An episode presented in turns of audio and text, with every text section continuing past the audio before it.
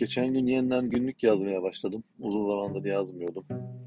Aslında uzun zamandır yazmamın sebebim attığımız tweetler ya da atmak istediğimiz, taslaklara kaydettiğimiz tweetler ya da Instagram'da ya da belli yerlerde paylaştığımız fotoğraflardan dolayı bir nevi dijital günlük yazmamızdan dolayı belki de eski usul romantik, tatlı bir şekilde bir deftere bir şeyler yazmayı ertelememizi sağlıyor olabilir.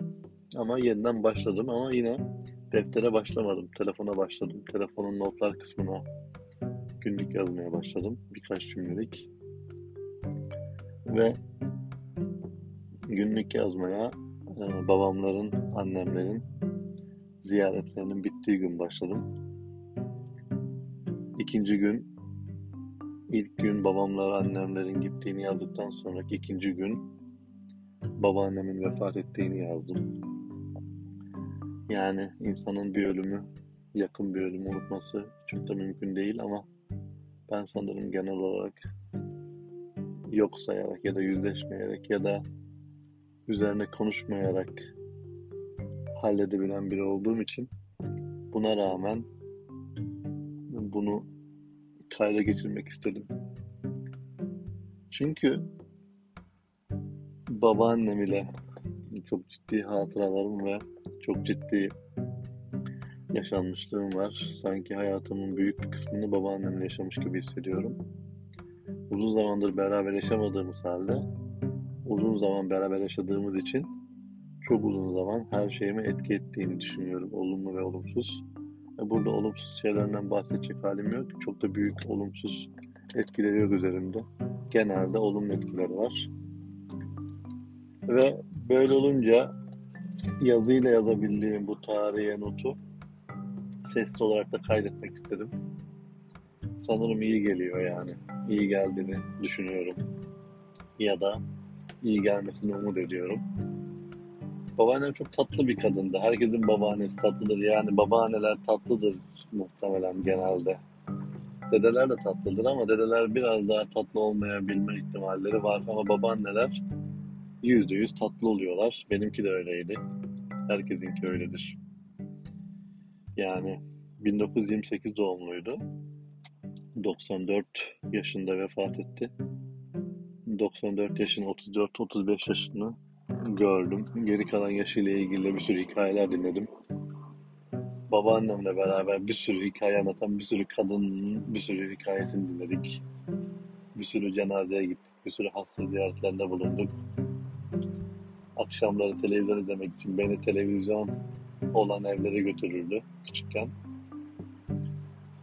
Yani sonsuz hatıram var gibi. Belki toplasan alt alta yazsam 20 tane falan hatıram vardır ama mesele de bu zaten. 20 tane hatıranın kaç tane hatıraya döndüğüyle ilgili birazcık da zihnimiz.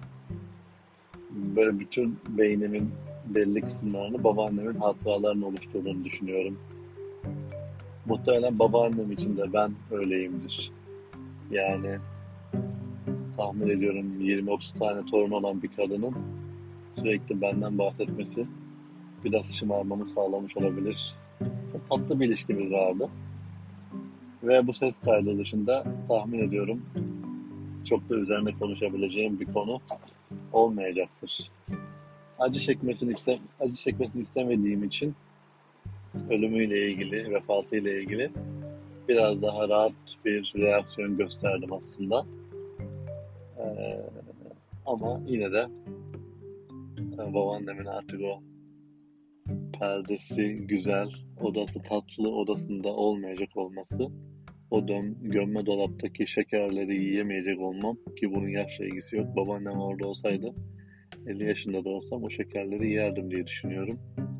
E, bir noktada babaannenin odasındaki gömme dolap çocukluğumuzla ilgili ya da gençliğimizle ilgili ya da kafamızdaki her şeyle ilgili bir sürü şeyin çok tatlı bir kara kutusu olabilir.